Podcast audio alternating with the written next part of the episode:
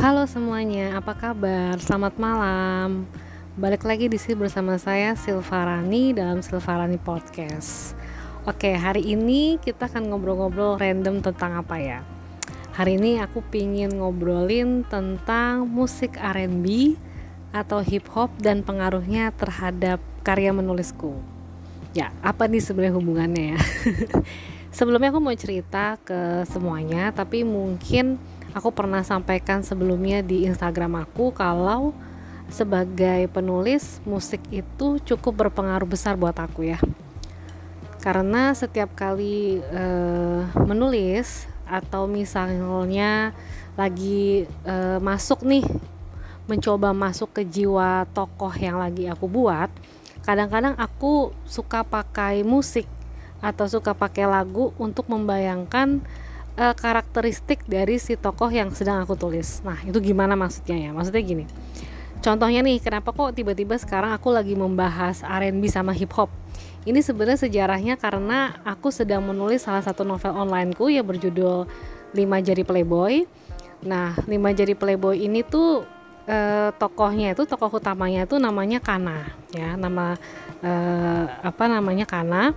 Dan karena ini uh, aku bikinnya dia itu adalah seorang cowok yang ekstrovert senang bergaul dengan siapa pun jadinya dan orang itu mudah uh, simpatik dan terkesima dengan karena ini gitu makanya dia bisa jadi playboy ya tanda kutip karena pintar menarik perhatian lawan bicaranya apalagi perempuan gitu ya nah aku bikin karena ini suka dengerin musik itu yang genrenya adalah R&B atau hip hop. Nah, untuk membayangkan menjadi Kana, karena kan eh, novel online aku kebetulan sudut pandang orang pertama ya. Jadi aku tuh mulai mendengarkan lagu-lagu R&B dan hip hop yang mungkin dulu pas zaman aku lagi suka-sukanya sama R&B sama hip hop tuh sekitar tahun 2000-an awal ya, 2000-an awal atau 2010-an, 2011-an, 2009-an gitu juga aku dengerin banget. Dan kalau untuk sekarang-sekarang ini kayaknya 2017, 18, 19 itu aku juga mulai dengerin R&B sama hip hop gitu. Nah, maksudnya di sini kenapa ada tahunnya itu itu gak sengaja ya teman-teman. Jadi kayak nggak tahu kenapa di tahun itu lagi senang-senangnya uh, mendengar hip hop mendengar R&B nanti kalau udah berapa tahun kemudian kan seleranya akan pindah lagi ke yang lain. Tapi ketika suka lagi suka sama selera musik yang lain itu R&B sama hip hop tetap aku dengerin perkembangannya gitu loh. Kalau misalnya tiba-tiba nyangkut nih ada lagu yang ku suka ada lagu yang ku um, apa yang aku denger dari musisi yang aku suka itu ya akhirnya bisa aja gitu. Aku jadi dengerin juga gitu. Nah jadi podcast ini aku pengen cerita gitu kalau selama aku bikin kana itu lagu-lagu yang aku denger itu adalah lagu-lagunya Pharrell Williams lagu-lagunya Justin Timberlake lagu-lagunya Timbalan sama lagu-lagunya Asher sama hmm, kadang-kadang hmm, kadang-kadang aja sedikit itu um, Justin Bieber, Weekend dan um, aku lupa namanya siapa itu. Siapa yang nyanyi Lovely sama Billie Eilish? Kenapa aku lupa? Khalid. Kenapa jadi lupa sama Khalid kayak gitu dan ada beberapa penyanyi-penyanyi lain ya tapi yang lagi aku pengen bahas itu yang tadi aku sebutin nah dan aku bisa menentukan jadi mendengarkan lagu-lagunya Pharrell, mendengarkan lagu-lagunya Justin sama Asher, lalu Justin Bieber dan lain sebagainya itu juga nggak sengaja. Maksudnya kayak aku tuh kalau misalnya lagi nulis uh, cerita terus ada tokohnya, aku lagi bayangin ini yang lagu yang vibesnya dia banget, lagunya siapa ya? Terus aku nyari di YouTube dan entah karena uh, kekuatan semesta atau kayak gimana tiba-tiba jadi uh, ngulik ngulik ngulik ngulik di Spotify atau di YouTube akhirnya dapat aja lagu-lagu yang tadi aku ceritain itu. Wah kayaknya ini cocok nih. Aku nulis uh, cerita ini sebelumnya mendengarkan lagu-lagu yang tadi aku sebutin. Nah, hmm, jadi untuk podcast kali ini aku pengen membahas pengaruhnya musik-musik itu terhadap um, kepenulisan aku. Tapi mungkin sekalian aku ngobrolin juga tentang uh, musisi-musisi yang tadi aku sebutin juga ya. Karena selain aku tadi bilang apa uh, sok-sokan semesta mendukung gitu-gitu sebenarnya mungkin karena di masa lalu juga masa lalu maksudnya kayak di tahun 2000-an awal gitu-gitu musisi-musisi yang aku sukain itu memang pas aku pikir-pikir sekarang itu adalah Pharrell Williams, Justin Timberlake, uh, Usher sama Timbaland. Oke, jadi aku juga nggak ngerti kenapa jadi mereka berempat yang akan aku omongin akan kita gibahin di podcast ini tapi kita sekalian ngobrol kayaknya seru juga apalagi kalau di antara kalian atau di antara teman-teman semua ada yang juga menyukai uh, musik mereka menyukai karya mereka dan mengikuti perkembangan karir mereka kita bisa sekalian ngobrol-ngobrol kayak gitu karena um, memang kalau aku pikir-pikir dalam dunia tulis menulis pun aku tidak membatasi genre ya aku nulis genre romance, penulis genre fiksi sejarah. Romansnya juga macam-macam, ada yang romance yang misalnya baper banget atau yang misalnya metropop banget atau yang misalnya uh, etnik banget atau yang uh, komedi banget atau yang sastra banget. Jadi memang aku tidak membatasi pingin nulis genre seperti apa. Mungkin yang lagi aku mengumpulkan kekuatan untuk menuliskannya adalah genre horor. Makanya aku salut sama teman-teman yang menulis genre horor karena bukannya takut ya. Cuman kayak gini aku tuh punya prinsip kayak gini prinsip anehnya itu gini. Kalau aku nulis sesuatu apalagi kayak gini nih aku nulis cerita terus terinspirasi dari lagu-lagu musisi yang tadi aku sebutin. Nah itu kayak ada energi timbal balik. Jadi aku makanya kenapa bikin podcast ini terus kayak ngomong ke orang-orang kalau aku bisa bikin cerita ini itu setelah mendengarkan lagunya Feral, mendengarkan lagu Jasin. Itu kayak sekalian mempromosikan lagu-lagunya mereka juga karena mereka sudah memberikan inspirasi kepada aku untuk menuliskan cerita. Walaupun itu mereka juga pasti nggak sengaja lah mereka hanya berkarya biasa aja kan. Dan kebetulan lagu-lagunya jadi kayak satu vibe sama tokoh yang lagi aku bikin. Nah karena aku terlalu kayak begitu sama uh, hukum energi timbal balik ini ya. Jadi kalau aku, aku nulis cerita horor aku merasa kayak berarti tokoh-tokoh hantu itu udah artian kalau di in real life adalah hantu-hantu itu berarti setan-setan itu berarti berpengaruh terhadap cerita yang aku buat nah berarti aku memberikan rasa terima kasih kepada mereka gimana? Ngirim sajian gitu apa gimana?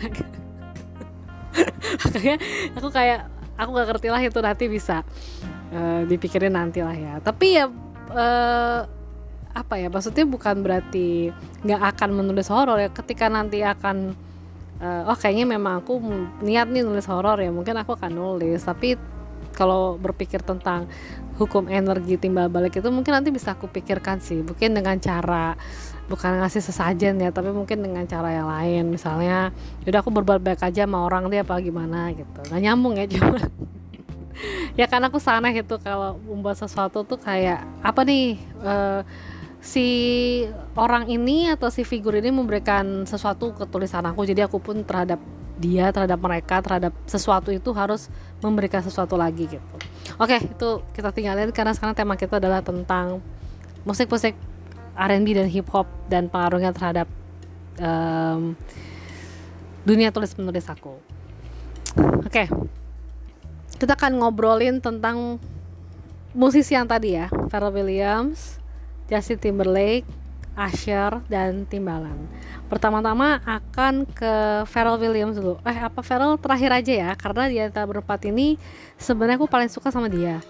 Kedua baru Justin Timberlake ketiga timbalan keempat baru Asyar gitu. Jadi mungkin sebenarnya banyak hal yang aku juga nggak ketahuin tentang mereka berempat. Jadi mungkin kalau ada yang tahu atau ada yang ngefans juga kita bisa saling bertukar informasi. Karena ketika membuat podcast ini aku juga kayak spontan aja. Jadi kayak nggak riset dulu mereka berempat itu uh, sudah apa namanya sudah ngapain aja apa segala macam pokoknya yang selama ini aku tahu aja tentang mereka berempat kayak gitu. Oke? Okay?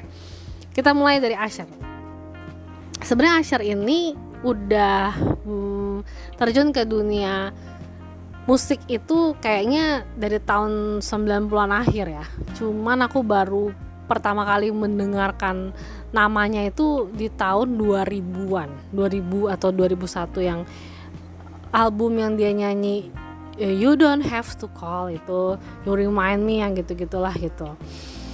Itu pertama kali aku taunya itu Asyar itu um, itu aku dengerin cuman um, aku justru yang bener-bener mulai suka banget sama Asyar itu ketika uh, ngeluarin album yang ada singlenya Yeah itu. Terus habis itu nyanyi sama Alicia Keys My Boo. Nah itu kan My Boo itu juga sampai membuat mengantarkan Asher mendapatkan banyak penghargaan juga ya. Karena Boo itu unik ya. Hmm, Asher nyanyi sama Alicia Keys ceritanya mereka itu adalah kayak cinta pertama di masa kecil gitu. Dan video klipnya itu MV-nya itu kayak seolah mereka itu memang waktu kecil itu bersama-sama gitu. Jadi dan liriknya itu sangat romantis banget kayak uh, apa namanya kayak um, polos-polosnya cinta pertama gitu. Jadi kayak masih suci masih polos tapi tetap ada passionnya gitu. Jadi aku ikutin Asher di situ ya. Terus sampai akhirnya uh, dia nyanyi sama Justin Bieber juga kan waktu Justin Bieber masih baru-baru. Terus habis itu banyak dia kerja sama juga sama musisi-musisi lain. Dan yang aku suka itu salah satunya lagunya juga dia judulnya klimaks itu kayak kalau didengerin malam-malam di mobil itu kayak enak banget gitu.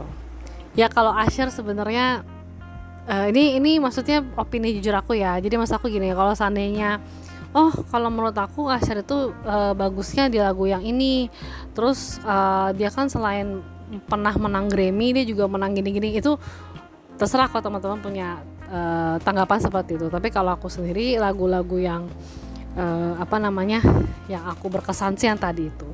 Ya singkat aku kalau di Grammy itu Asher juga udah dapat beberapa penghargaan sih. Ya mungkin 7 atau 8 penghargaan udah dikantongin sama Asher ya di Grammy ya. Di American Music Award juga beberapa kali dapat gitu. Uh, oke okay. um, selanjutnya kita akan bahas yang kedua yaitu aku akan bahas tentang terakhir aku ingat-ingat lagi ya. Dia pernah jadi modelnya Beyonce di lagu yang berjudul aku lupa judulnya apa. Oke lanjut aja deh. Yang kedua itu aku mau membahas tentang timbalan oke. Timbalan aku pertama kali tahu timbalan itu tahun 2000 ya. Tahun 2000 waktu nyanyi sama mendiang Aliyah. Lagunya Try Again soundtracknya Romeo Masdai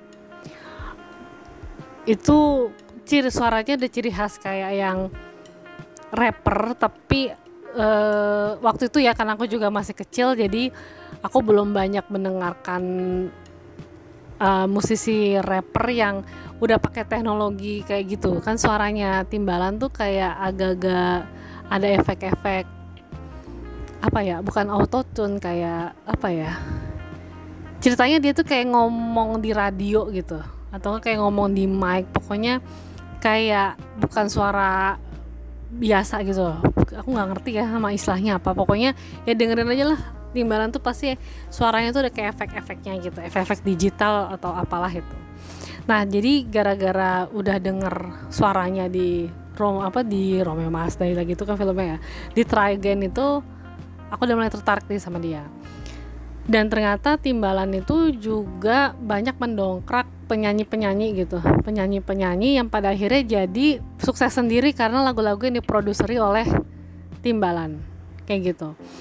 Um, terus aku inget lagi inget Timbalan pasti inget Justin Timberlake karena salah satu karena ketika debut solonya Justin Timberlake waktu tahun 2002 itu Timbalan uh, memproduseri atau kayak turun tangan langsung di lagunya Justin yang Cry Me River. Nah itu nanti akan kita bahas di Justin Timberlake ya. Mungkin Justin Timberlake kan banyak ya pembahasannya.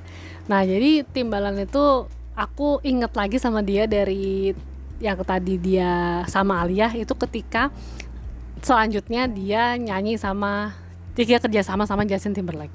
Walaupun sebelumnya juga kayak dia punya album gitu cuman aku kayaknya nggak terlalu ngikutin waktu itu. Nah sejak sama Justin Timberlake itu sering tuh bikin lagu-lagu barengan sama Justin. Sampai di album selanjutnya masih tetap kerjasama sama Timbalan uh, kalau nggak salah lagunya My Love ya. Dan penyanyi lain yang albumnya jadi keren kalau menurut aku karena bekerja sama dengan Timbalan salah satunya adalah Nelly Furtado. Jadi Nelly Furtado ini adalah seorang penyanyi asal Portugal. Album pertama sama album keduanya dia tuh hit sebenarnya cuman dibandingin sama penyanyi-penyanyi perempuan di eranya pada waktu itu tuh nggak terlalu hits gitu loh. Padahal sebenarnya lagunya dia tuh keren. Tapi Nelly Furtado itu kalau nggak salah juga uh, menang Grammy juga gitu. Tapi kalau untuk penjualan albumnya dan lala lagi semuanya itu kayak masih banyak penyanyi sebayanya yang uh, megang gitu loh. Nah jadi Nelly Furtado itu waktu album um, album yang barengan nama Timbalan itu yang Maniater itu ya. Pokoknya satu album tuh ada lagu mini Maniater ada aku lupa baca Prometheus ya kalau nggak salah Prometheus terus ada banyak lah lagunya. Itu kalau menurut aku di album itu itu yang yang Nelly Furtado kerja sama sama Timbalan itu tuh kayak uh, kena banget ke selera zaman saat itu gitu. Jadi Nelly Furtado tuh jadi sering muncul di berbagai acara awards jadi kayak sering live di beberapa acara musik. Itu tuh jadi kayak timbalan itu kayak uh, naikin Nelly Furtado yang sebenarnya udah bagus gitu. Jadi lebih memasarkan lah bahasanya mungkin kayak gitu ya. Apalagi setelah timbalan juga bikin lagu barengan sama Nelly Furtado dan Justin Timberlake yang judulnya Give It To Me. Itu nendang banget kasarnya kayak Timbalan ini kayak ngumpulin dua artis yang dia pernah uh, kerjasama dan sukses albumnya yaitu Justin Timberlake sama Nelly Furtado untuk bikin lagu Give It To Me. Dan itu nendang banget. Cuman aku juga suka sama lagunya Timbalan yang uh, sama Soshi. Nah, kalau ini maaf ya, ini aku sekali-kalinya googling ya, karena aku bener-bener lupa judulnya Morning After Dark kalau nggak salah. Coba bener nggak ya? Morning After Dark. Iya bener. Judulnya adalah Morning After Dark. Itu Nelly Furtado sama Soshi nyanyi timbalan nyanyi sama mereka berdua. Itu aku juga suka. Nah, timbalan juga pernah kerja sama sama Pussycat Dolls. Itu Wait a Minute judulnya. Dan itu aku juga suka sama lagu itu. Pokoknya timbalan itu dia itu sering kayak kerjasama atau kolaborasi sama berbagai artis. Dan akhirnya lagunya jadi hits gitu. Tapi dia sendiri untuk solo sendiri itu mungkin aku salah cuman seinget aku kayak bisa dihitung jari gitu. Karena lebih banyak angkat artis dan akhirnya lagunya sukses kayak gitu. Itu timbalan dan sama artis dalam negeri sendiri yaitu Indonesia ya. Sebenarnya Timbalan juga pernah kerja sama sama Agnes Monica yang Cock Battle. Nah itu gimana uh, kesuksesannya? Mungkin kamu bisa cari tahu atau mungkin kita bisa bahas nanti ya. Nah itu Timbalan. Lalu habis itu kita ke musisi yang selanjutnya yaitu adalah Justin Timberlake. Justin Timberlake itu aku pertama kali tahu itu justru maaf ya karena dia mantannya penyanyi favorit kita dulu. Favorit kita aku aku masih muda sekarang. Misalnya ada yang denger kayak gitu ya. Jadi zaman dulu tuh ya pasti kalian juga tahu ya ada penyanyi namanya Britney Spears. Nah itu sorry itu mantannya gitu. Justru aku pertama kali tahu itu dari situ. Oh aku tahu ada grup namanya NSYNC tapi karena waktu itu aku lebih suka sama boyband yang lain jadi NSYNC itu aku cuma tahu lagunya Bye Bye Bye sama It's Gonna Be Me terus kayak ya udah gitu. Aku tahu ada cowok lima namanya Ensing dan lagunya adalah di album pertamanya tuh lagunya adalah Bye Bye Bye sama It's Gonna Be Me. Tapi abis itu ya udah aku nggak ngulik-ngulik lagi. Nah padahal di situ ada yang namanya Justin Timberlake membernya gitu. Aku tahu Justin Timberlake itu ya waktu itu pacarnya Britney gitu aja. Nah tapi begitu begitu itu tuh aku jadi ngikutin si Ensing itu dan di albumnya NSYNC yang selanjutnya entah kenapa aku merasa lagunya itu lebih apa ya mereka kayak udah berani mengeksplor diri mereka sendiri. Jadi di album selanjutnya itu ada yang ada yang judulnya pop sama gone dan aku suka banget. Nah Justin Timberlake ini di NSYNC ini hmm, part nyanyinya itu part lain ya bahasanya itu tuh banyak banget dibandingin sama member yang lain. Jadi kayak kita langsung kalau inget NSYNC pasti ingat Justin Timberlake gitu Girlfriend itu juga pernah featuring juga sama Nelly. Nelly itu ada rapper bukan Nelly Furtado ya. Ada rapper lagi namanya Nelly. Oh iya Nelly itu juga seru banget kalau dibahas. Jadi nanti kita nanti dulu bahasnya ya. Nah itu kalau si Justin Timberlake ya. Um, terus habis habis sudah di NSYNC itu akhirnya Justin keluar.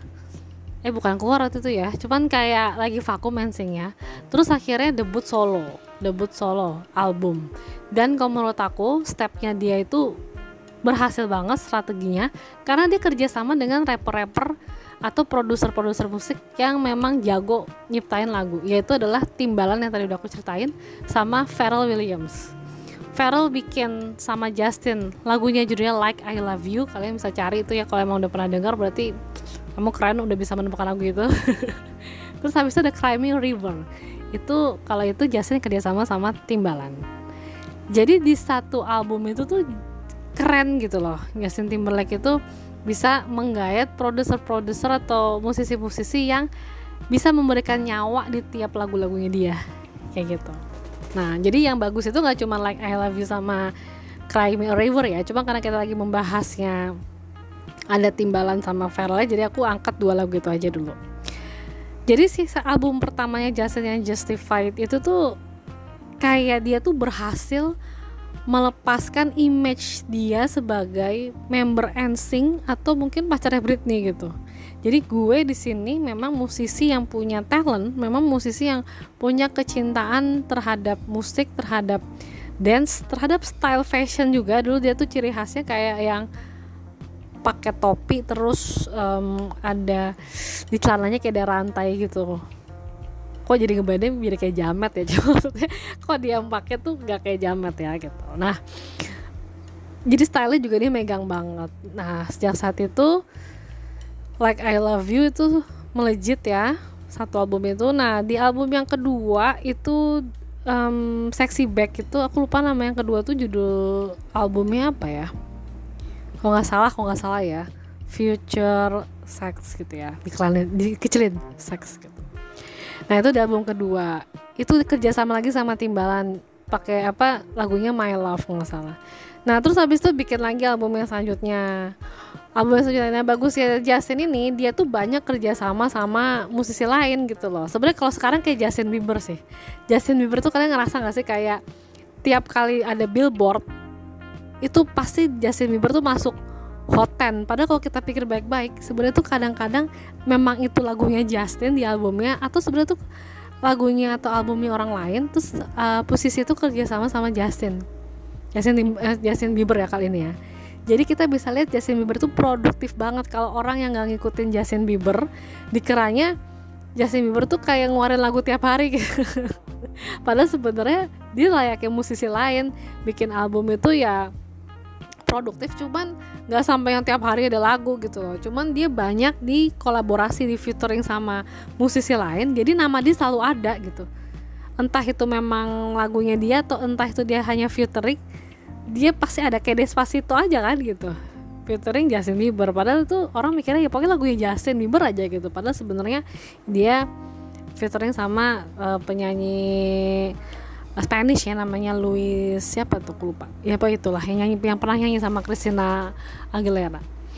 Um, terus kita balik lagi ke Justin Timberlake. Nah Justin Timberlake itu waktu itu sekitar tahun 2000-an awal itu ya sebenarnya sampai sekarang juga sih dia itu selalu begitu strateginya. Jadi kayak kerja sama sama banyak orang. Jadi featuringnya tuh atau nyanyi di lagu orang lain tuh juga banyak. Dan lagunya jadi keren-keren kalau menurut aku dia pernah nyanyi sama Nelly. Nelly yang Nelly Furtado maupun Nelly yang rapper cowok. Dia pernah nyanyi juga sama uh, Rihanna juga pernah. Alicia Keys juga pernah. Pokoknya banyak deh yang udah pernah kerja sama sama Justin Timberlake.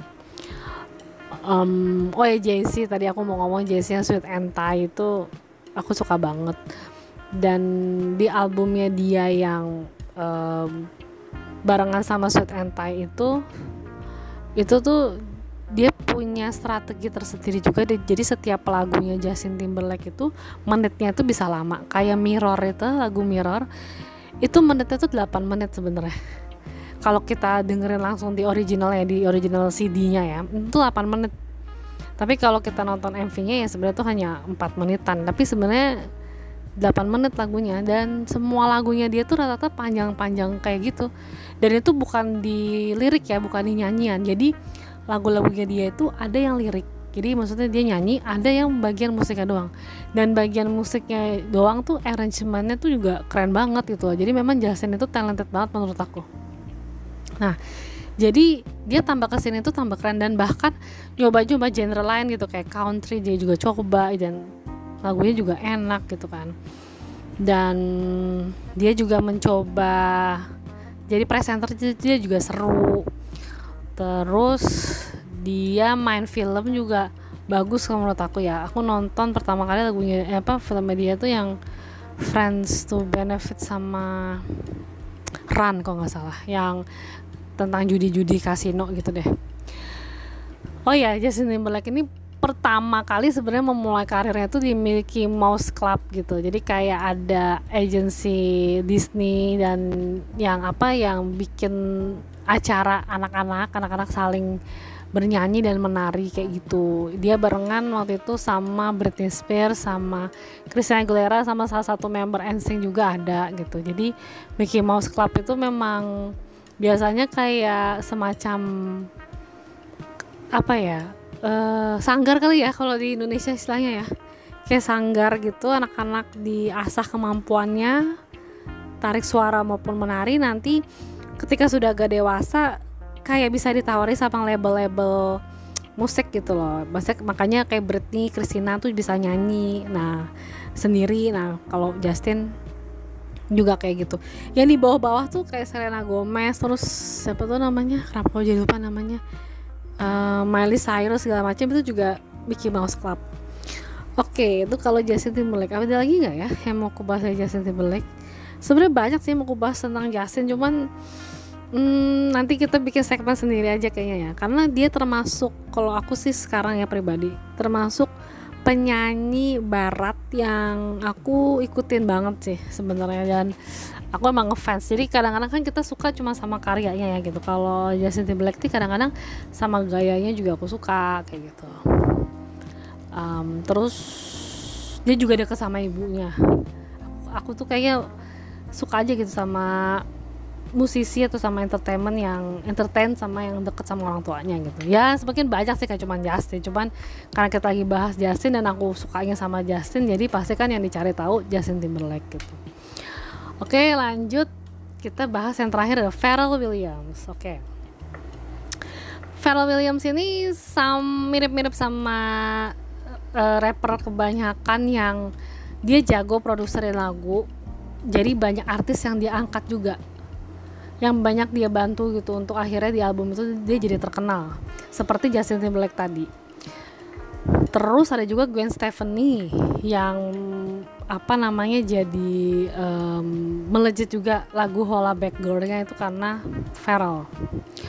Oke, okay, Pharrell Williams ini mungkin orang ditanya kalau kalau orang yang baru dengerin musik saat saat ini aja ditanya apa lagunya Pharrell yang paling booming? Mungkin pada jawabnya kalau nggak Happy, Get Lucky ya. Happy yang jadi soundtracknya Despicable Me itu dan kalau Get Lucky itu yang sama Daft Punk padahal sebenarnya lagunya Pharrell banyak dia selain yang dua itu. Oke okay. aku pertama kali tahu Pharrell Williams itu waktu dia masih gabung di grup nerd ya bacanya kan? N E R D. Itu kayaknya ada kepanjangannya. Uh, aku lupa tapi kepanjangannya apa ya? Nah oke okay, yang ini aku ngaku ya aku google yang kedua kalinya nih nerd. Bentar uh, uh, aku gak tahu juga kalau mau Google itu kliknya apa. Oke lah kita lanjut aja ya sambil oh ini ada. Nothing ever really dies. Oke. Okay. hmm. nah jadi aku pertama kali itu dengerin lagunya um, Pharrell Williams itu waktu gabung di North sekitar tahun 2000-an awal. Itu musiknya dia agak aneh sih. Seaneh lagunya I'm Slave For You nya Britney Spears itu kan yang nyiptain dia anehnya itu kayak ini loh kayak banyak uh, kayak banyak beat beat drum drum yang nggak menentu gitu loh. Jadi kita kan kadang-kadang kalau dengerin musik ada ketukannya aku nggak ngerti musik secara mendalam. Ini aku hanya orang awam yang sok tahu ya. Cuman kalau ketukan musik itu kan kita kayak bisa nebak oh ini ketukannya ngebeatnya segini nih. Kalau kita main drum itu kayaknya orangnya mukulnya tuh setiap detik setiap dua detik kita kayak punya bayangan um, ketukannya gitu. Kalau lagu-lagunya Vera Williams ini enggak pokoknya acak aja ketukannya. Tapi kita kayak dengernya tetap asik gitu. Nggak kayak dulu di lagu berantakan banget sih gitu nggak. Jadi kayak berantakan aneh tapi kita bisa ngikutin. Ya contohnya kayak lagu Hollaback Girl-nya Gwen Stefani sama mungkin Britney Spears yang I'm Slave For You sama lagu-lagu nerdnya gitu dengerin aja kalau sama Britney itu selain kerja sama di I'm Slave For You sebenarnya kerja sama juga di Boys yang remix yang menjadi soundtracknya Austin Power. Itu kalau nggak salah. Nah um, Pharrell Williams ini jadi waktu sudah di Nerd itu kan dia akhirnya mulai kerja sama sama beberapa musisi untuk nyiptain lagu untuk produserin lagu. Ya salah satunya Justin Timberlake itu ya yang Like I Love You. Tapi berjalannya waktu lama-lama dia sudah solo. Solonya si Pharrell Williams itu kalau nggak salah sekitar tahun 2003-2004 gitu. Salah satu lagu yang aku ingat adalah yang barengan sama Gwen Stefani yang uh, Ladies and Gentlemen yang itu sebentar aku aku lupa lagunya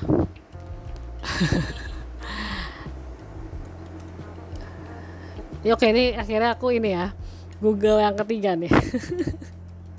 Klik dulu. Can have it like that? Oh ya yeah. Can I have it like that? Itu tuh lagunya tuh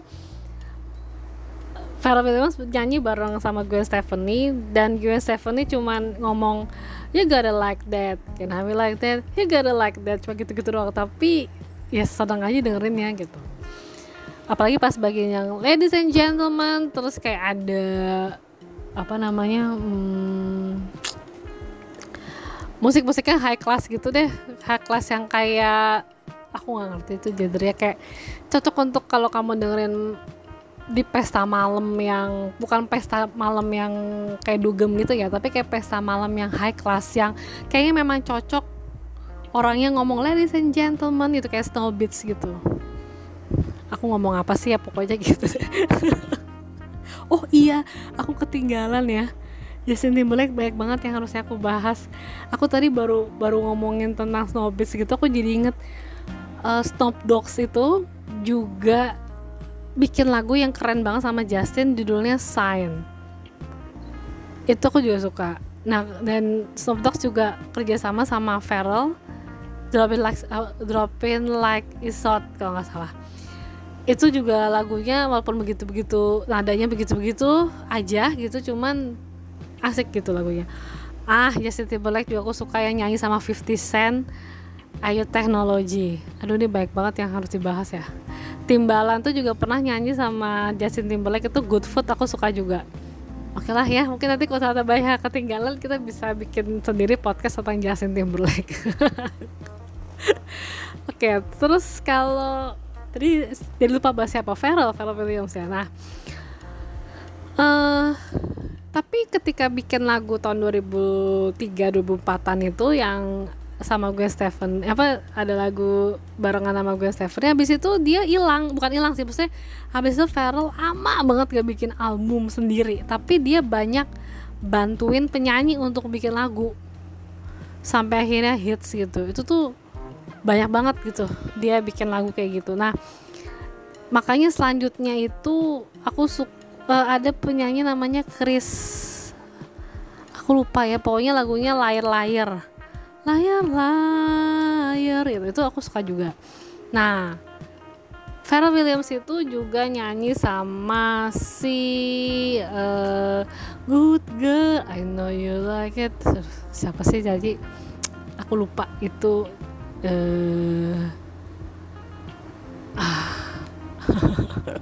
akhirnya google lagi. Aduh aku ingat coba coba aku lupa namanya siapa sih Robi. Sebentar sebentar sebentar. Hmm, hmm, hmm. tahu kan kalian pasti lagu yang good girl. I know you want it. I know you want it. Oh ya Rob Robin ya aku bacanya gimana tuh? Ya sama Asher juga dia pernah bikin lagu ya. Uh, sama Jesse juga pernah. Uh, banyak lah pokoknya kalau si Pharrell ini bikin bikin lagu yang jadi hits gitu. Nah jadi pada waktu dia sama Nerd itu singkat aku ya itu jarang ada yang bisa top gitu loh lagunya. Tapi giliran dia bantuin orang lain itu tuh langsung melejit lagunya. Ya kan memang ada orang yang ditakdirin kayak gitu juga ya. Ketika dia bikin sendiri uh, kayaknya masih naik turun tapi ketika itu dia bantuin orang lain malah itu bisa jadi nomor satu misalnya seperti itu. Um, nah setelah jadi jeda dari album pertama sampai album kedua itu Pharrell Williams lama banget. Album kedua tuh baru keluar itu waktu um, barengan waktu dia bikin um, jadi gara-gara lagu Happy tuh yang yang jadi soundtracknya um, apa Despicable Me itu dia jadi kayak pede gitu untuk um, bikin lagu album kedua gitu loh. Makanya dia kayak mulai percaya diri gitu loh. Um, yang apa namanya yang dimasukin di album kedua itu salah satunya ya Happy terus ada yang judulnya Marilyn Monroe aku juga suka gitu. Um, dia juga nyanyi sama Alicia Keys aku juga suka tuh lagu dia bareng Alicia Keys. Dan dari album yang kedua ini kalau nggak salah bisa juga aku salah ya cuman kayaknya setahu aku aku harus cari tahu lagi kayaknya belum ada lagi di albumnya ya gitu. Apa mungkin udah ada ya ya mungkin aku belum kepo lagi aja ya. Kalau yang untuk sekarang sekarang ini tentang musik R&B dan hip hop sekali lagi aku baru kepo lagi ya gara-gara ini. Apa namanya dengerin eh apa nulis 5 jari playboy ini. Nah aku suka sama Pharrell Williams itu juga karena selain di dunia musik kayaknya dia dia tuh kayak menunjukkan kalau ya namanya berkarir namanya berkarya tuh nggak terbatas jadi dia juga merambah dunia fashion juga. Aku lupa dia bikin apa gitu kerja sama Louis Vuitton. Antara baju atau kacamata atau sepatu aku lupa. Pokoknya kayak kerja sama sama Louis Vuitton. Terus habis itu dia juga punya clothing line sendiri. Aku lupa namanya apa ya. Pokoknya dia punya clothing line sendiri. Oh kalau nggak salah namanya BBC tapi aku lupa kepanjangannya apa. Dia juga bikin produk es krim mau nggak salah juga. Pokoknya dia coba gitu dia coba banyak hal dan orang tuh kayaknya udah nggak ngeliat produknya. Oh ini es krim oh ini uh, clothing line oh ini Louis Vuitton kerja sama sama dia. Tapi kayak ngeliat dianya. Jadi kayak orang kalau udah tahu seleranya si Pharrell Williams dalam berkarya itu kayaknya mau si dia mau bikin apa pun gitu mau bikin makanan kek mau bikin uh, pakaian kek mau bikin apa kek orang tuh udah percaya sama selera dia. Jadi kayaknya yang apa namanya yang mereknya itu adalah si Pharrell ini sendiri gitu loh. Dia udah punya merek brandnya diri dia sendiri gitu. jadi orang kayak yang fansnya tuh pasti udah tahu gitu. Oh ini gue udah percaya nih sama seleranya dia gitu. Makanya karena itulah dia bisa dibilang bukan hanya musisi ya tapi juga kayak entrepreneur gitu nggak salah dia nulis buku juga deh. Gara-gara happy itu dia kayak bikin buku cerita anak kalau nggak salah ya kayak gitu. Jadi selain karirnya musik dia juga berkarir di dunia bisnis. Oke kayaknya itu aja sih. Ngobrol-ngobrol nggak jelas aku tentang musisi-musisi R&B atau hip hop yang mm, menjadi inspirasi aku. Eh bukan inspirasi aku maksudnya lagu-lagunya kayak mendongkrak semangat aku untuk menulis novel-novel atau cerita-cerita bergenre uh, metropop. Kalau ditanya R&B cowok lainnya yang aku suka, kalau tahu Jarul, tapi sekarang kayaknya dia udah agak tenggelam ya. Nelly tadi juga aku dengerin juga. 50 Cent sebenarnya dengerin cuman kayak nggak apa ya kayak nggak ngikutin dia secara kayak oh si Vincent lagi bikin ini lagi bikin itu tuh kebetulan aku lagi nggak tahu gitu. Terus aku suka juga sama hmm, kalau sekarang aku suka sama ini. Siapa pacar Rihanna sekarang? Aku lo aku nggak tahu bacanya. A S A P Rocky baca gimana ngetawain aku ya itu aku suka sama dia awalnya karena dia jadi modelnya Lana Del Rey di MV yang judulnya National Anthem. Terus um, dia juga nyanyi sama Selena Gomez di Good For You jadi yang bagian um, rapnya gitu. Terus dari situ jadi mulai suka dengerin lagunya. Tapi secara secara karir apa maksudnya kayak aku kayak tahu kayak tadi aku tahu Feral aku tahu tentang si Rocky ini apa gitu mm, belum belum banyak gitu. Dan sekali lagi info-info yang tadi aku sharing itu sebenarnya juga kayak aku spontan. Jadi bukan berarti kalau kayak misalnya dulu uh, aku aku tuh orangnya kayak gini. Kayak misalnya ditanya kamu ngefans ya sama si kayak tadi sama Feral sama Justin Timberlake? Mungkin aku kan bilang ya biasa aja gitu. Tapi begitu dikulik aku sendiri yang kayak baru nganalisis perasaan aku oh ternyata aku suka deh sama Justin Timberlake oh ternyata aku suka deh sama Pharrell Williams. Karena ternyata setelah aku pikir-pikir aku banyak dengerin lagu mereka dan suka. Aku tahu perkembangan mereka tanpa aku niatin gitu loh dan tanpa aku cari juga gitu loh. Jadi kayak kayak kadang-kadang tuh aku tahu pernah baca di mana si Pharrell begini si Justin begini tadi misalnya Timbalan begini gitu. Kayak gitu tapi kalau yang sampai sekarang ini aku berpikir kayaknya aku akan ngefans banget deh sama orang ini gitu tuh. Nggak lain dan nggak bukan adalah BTS ya. Pak BTS sengaja banget aku nyari info-info terbarunya mereka gitu. Oke lah kalau untuk BTS kita ngomongnya lain kali aja yang penting terima kasih udah dengerin obrolan-obrolan ngaco aku. Mungkin banyak kekurangannya ya dan banyak kesalahannya juga pasti. Apalagi kalau pelafalan bahasa Inggris aku suka belibet karena kalau di podcast tuh kenapa kayak ada rasa deg-degan juga tapi kayak nggak mau ada yang salah karena aku juga nggak mau ngedit. Dan kalau emang ada yang salah aku biarin aja karena memang uh, ciri khas dari podcastnya aku tuh no edit no cut uh, pokoknya apa adanya lah gitu Oke, terima kasih buat teman-teman yang mau membaca novel online aku yang berjudul 5 Jari Playboy. Makasih banget. Um, kamu bisa mengkliknya di Instagram aku Nadia Silvarani atau Silvarani Books. Pokoknya itu novel online di aplikasi Good Novel. Oke? Dan inget rate-nya 17 tahun ke atas. See you dan sampai ketemu lagi di next Silvarani podcast. Bye.